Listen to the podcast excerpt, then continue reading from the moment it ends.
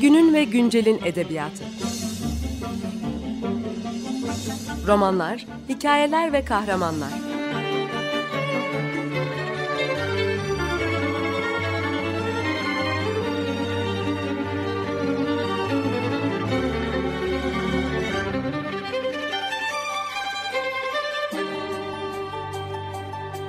Hazırlayan ve sunan Seval Şahin.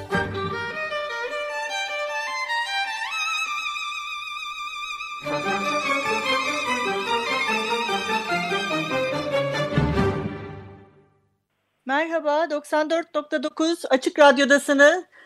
Günün ve Güncel'in edebiyatında bugün konuğumuz Ayşegül Yüksel. Merhaba hocam. Merhabalar. Ayşegül Hoca ile geçen hafta Haldun Tener tiyatrosunu konuşmuştuk. Bu haftada hocayla yine onun Habitus kitap tarafından yayınlanan Samuel Beckett tiyatrosu kitabından yola çıkarak Samuel Beckett'i ve özellikle de Oto'yu beklerken oyununu konuşacağız. Ee, evet hocam, ee, biraz şeyle başlayalım isterseniz. Nedir Samuel Beckett tiyatrosunun özellikleri? E, teşekkür ederim. Toparlamaya çalışayım. Şimdi her şeyden önce Samuel Beckett e, 20. yüzyılı boydan boya yaşamış. Çok e, uzun ömürlü olmuş bir yazar. Ve tipik bir 20. yüzyıl yazarı olarak düşünmeliyiz kendisini. Şiir, roman, deneme, şiirsel düz yazı denemelerinden ve çalışmalarından sonra son aşamada tiyatro yazarlığına geçmiş. Ve bütün metinlerinde şöyle bir sıkıntısı var. 20. yüzyıl geçmiş değerlerin yok olduğu bir yüzyıl. Yani bilinen varoluş düzeninin alt üst olduğu bir yüzyıl. Bir başka deyişle geçmiş değerlerle ilişkisini kopartmış, geleceğin değerlerini yaratamayan, içinde yaşadığı ve anlayamadığı dünyanın karmaşası içinde edilgen bir konuma itilmiş olan insan. Beckett'in sıkıntısı bu insanı anlatmaktır. Edilgenleşmiş. İnsanın çok büyük bir ikilemi var Beckett'e göre. Hem dünya denen toplumsal olgunun vazgeçilmez varlığı. Çünkü insan olmazsa dünya olmuyor. Doğal dünya yeryüzü sözüyle karşılanıyor. Bir yandan da yeryüzündeki bütün yaratıklar gibi ölüme yazgılı insan. Şimdi bu ikisini e, bağdaştırmakta çok zorluk çekiyor Beckett. Madem ben dünya denen toplumsal olgunun vazgeçilmez kişisi olarak önemliyim. O zaman neden ölüyorum? Diğer canlı varlıklar gibi. Ve dolayısıyla yazdığı metinler bu ikilem karşısındaki bir baş kaldırı olarak nitelendirilebilir. Yani hiçbir şey yapamamak, çaresiz kalmak. Şimdi bu aşamada e, önce dediğim gibi diğer tür düz yazı metinler, şiirle başlamış roman deneme şiirsel düz yazıyla devam etmiş. Şimdi romanlarına baktığımız zaman ve diğer düz yazı metinlerine baktığımız zaman şunu görüyoruz. Beckett'in dünyasındaki insan gelip geçen bir serseridir. Hiçbir etkinliği olmayan, dünyayı değiştiremeyen e, ve geçici olan bir yaratıktır. E, dolayısıyla oyun kişileri hep işte mal varlığından, zamandan, mekandan soyutlanmış, bir yerden bir yere sürüklenen ya da kendini sürükleyen e, kişilerden oluşur. Ünlü roman üçlemesi Maloy, Malon ölüyor, ve adlandıramayan metinlerinde Maloş sadece bir bisikleti olan sonunda ise kendisi kötürüm kaldığı için kıma hareket etmekten bile e, yoksun olan bir e, tek tüfek adamın, tek tabanca adamın gitgide sahip olduğu her şeyi de yitirerek yok oluşunun serüveni anlatılır. Malone ölüyor da ise sanki Malone'un devamıymış gibi bir huzur evinin odasında hiç kımıldayamayan elindeki kurşun kalem bitene kadar yazacak olan bir hasta şey yapılır, canlandırılır ve kalemin bittiği noktada da Malone yani karakter ölür. Üçüncü oyun adlı, üçüncü roman adlandırılmayan da ise artık karakter yoktur. Ben yoktur. Cümlelerin öznesi yoktur. Sadece ve sadece düşünce kalmıştır. Somut varlık yok olmuştur, düşünce kalmıştır. Gördüğümüz gibi gitgide dili daha az kullanarak bir kullandığı bir dil biçimini katiyen tekrarlamayarak gitgide azalan, gitgide e, yalınlaşan bir ana, anlatma biçimiyle edebiyatını sürdüren bir yazardır. İşte tam bu aşamada romanların sonuncusunu yazdığı aşamada artık tiyatroya geçiyor. Çünkü neden?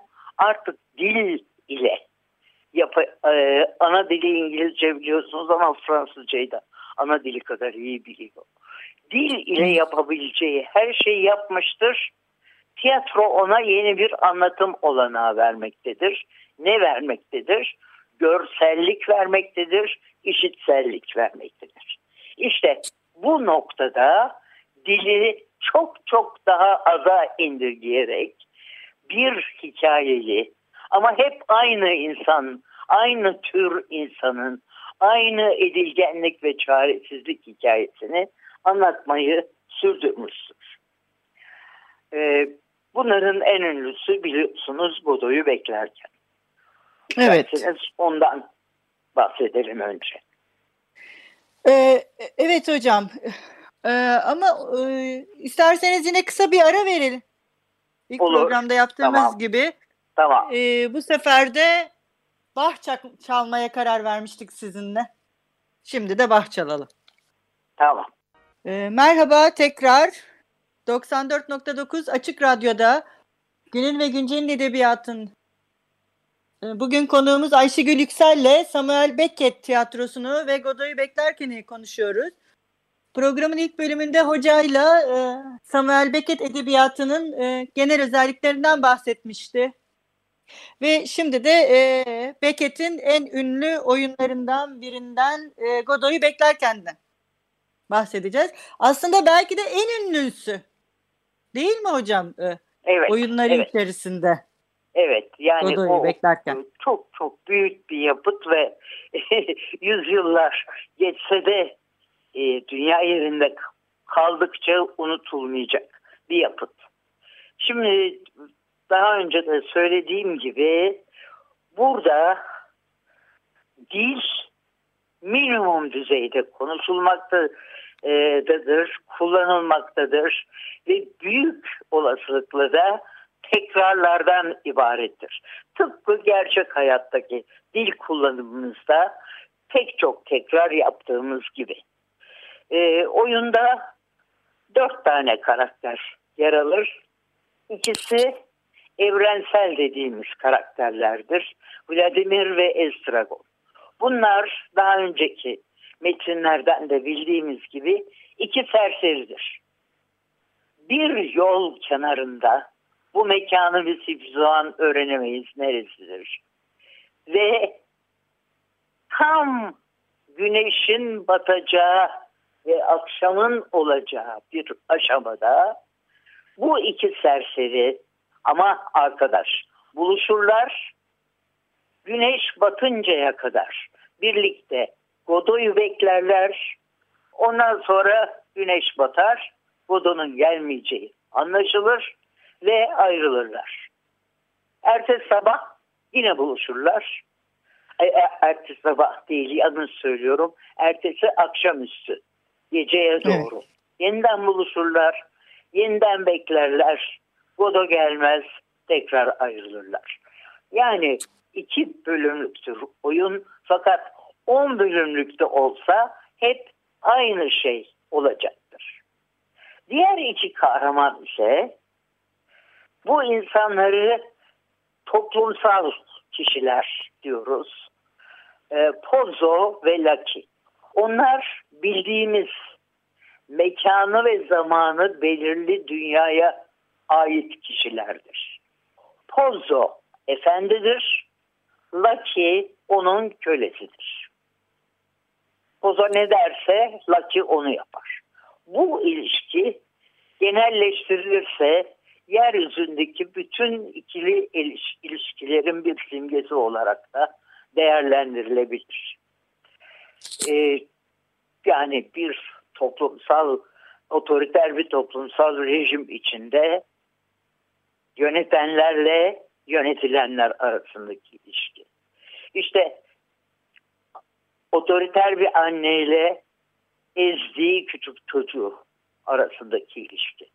Ee, efendim zalim bir kocayla ezdiği karısı arasındaki ilişki. Ee, acımasız bir patronla ezdiği işçiler, e, işçiler arasındaki ilişki. Dolayısıyla çok katmanlı anlamlara yol açan bir e, ikili ilişki burada vardır. Buna karşılık Vladimir ve Estragon yani evrensel kişiler dediğimiz bu iki arkadaş eşittirler. Her bakımdan eşittirler. Onlar Godoy'u beklemeye yazgılıdırlar. Ve Godo gelmeyince beklemeyi sürdürmeye yazgılıdırlar.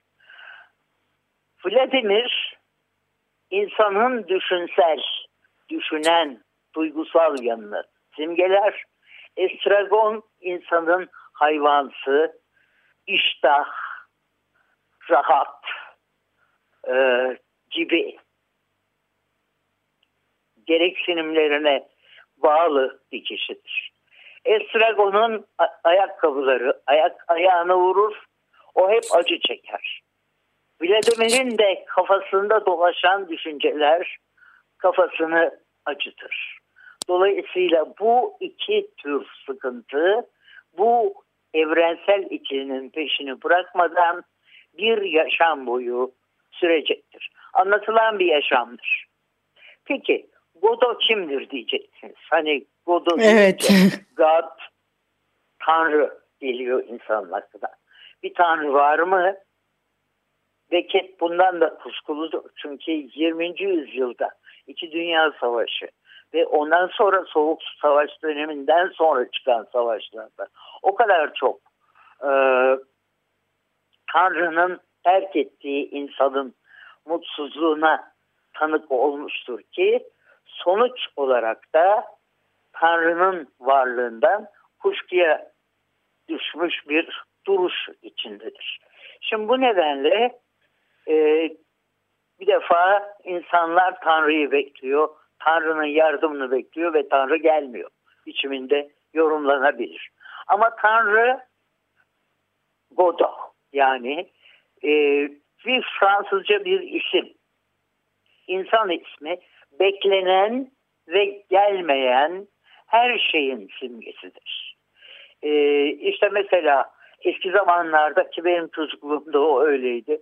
Bir yere gideceksiniz, e, otobüs beklerseniz otobüsün ne, ne zaman geleceği bellidir ne de gelip gelmeyeceği bellidir. Ama siz beklemek zorundasınızdır. Zaman, mekan artık silinmiştir. Siz gelecek otobüsün kölesi olarak orada durur beklersiniz. Ee, bir başka özellik tabii mesela Polonyalılar e, özgürlüğün gelmesini İkinci Dünya Savaşı e, aşamasında özgürlüğün gelmesi, daha sonraki Sovyet Sosyalist e, blokuna dahil olduktan sonra bir kez daha özgürlüğün gelmesi olarak Godoy'u yorumlamışlardır. İşte Afrika'daki bir takım tarım ülkeleri bereketin gelmesini düşünerek e, e değerlendirmişlerdir Godoy'u.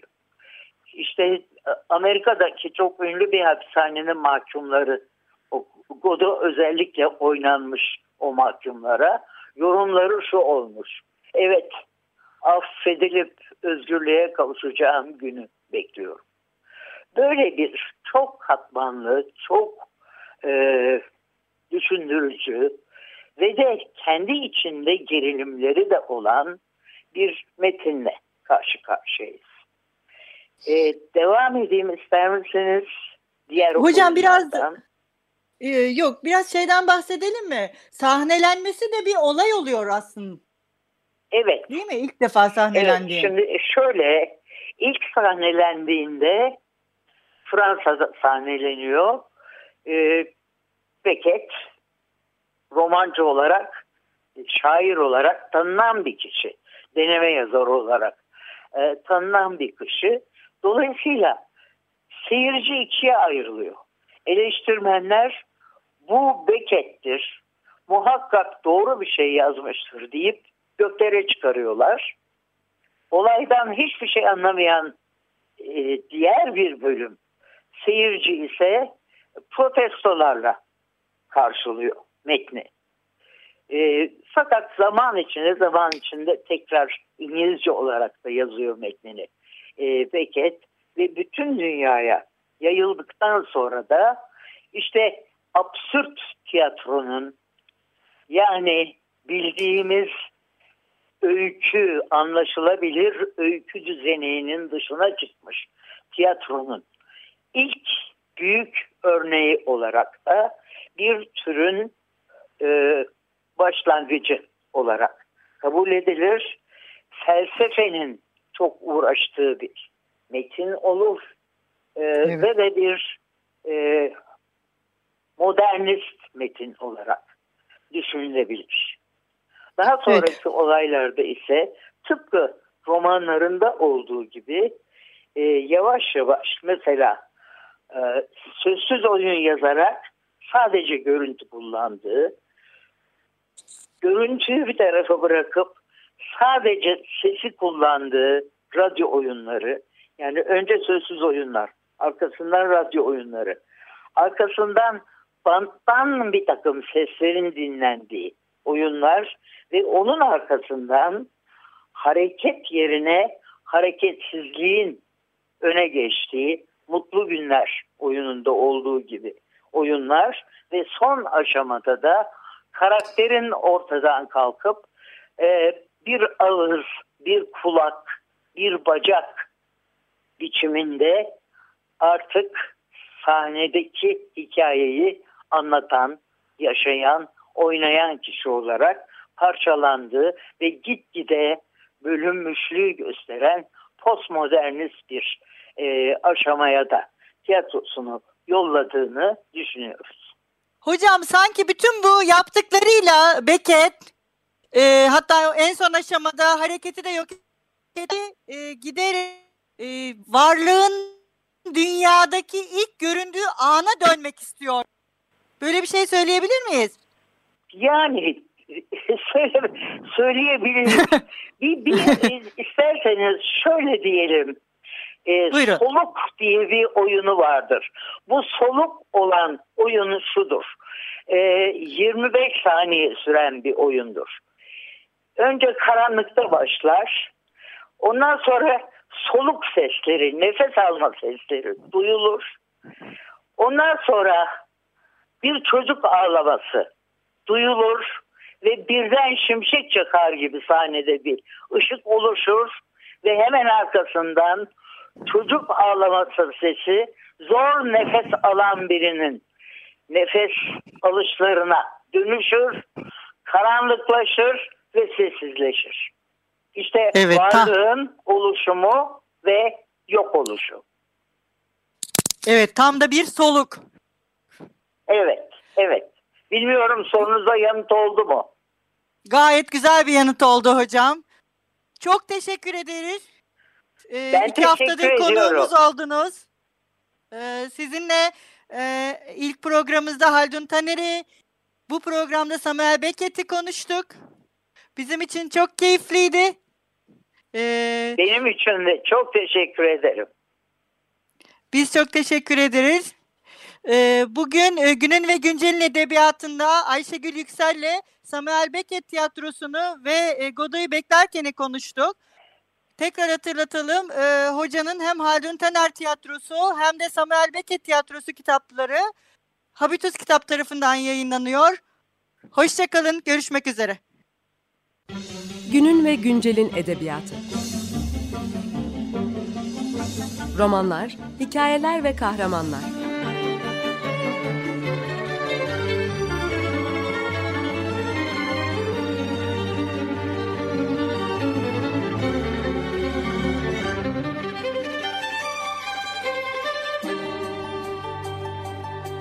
Hazırlayan ve sunan Seval Şahin.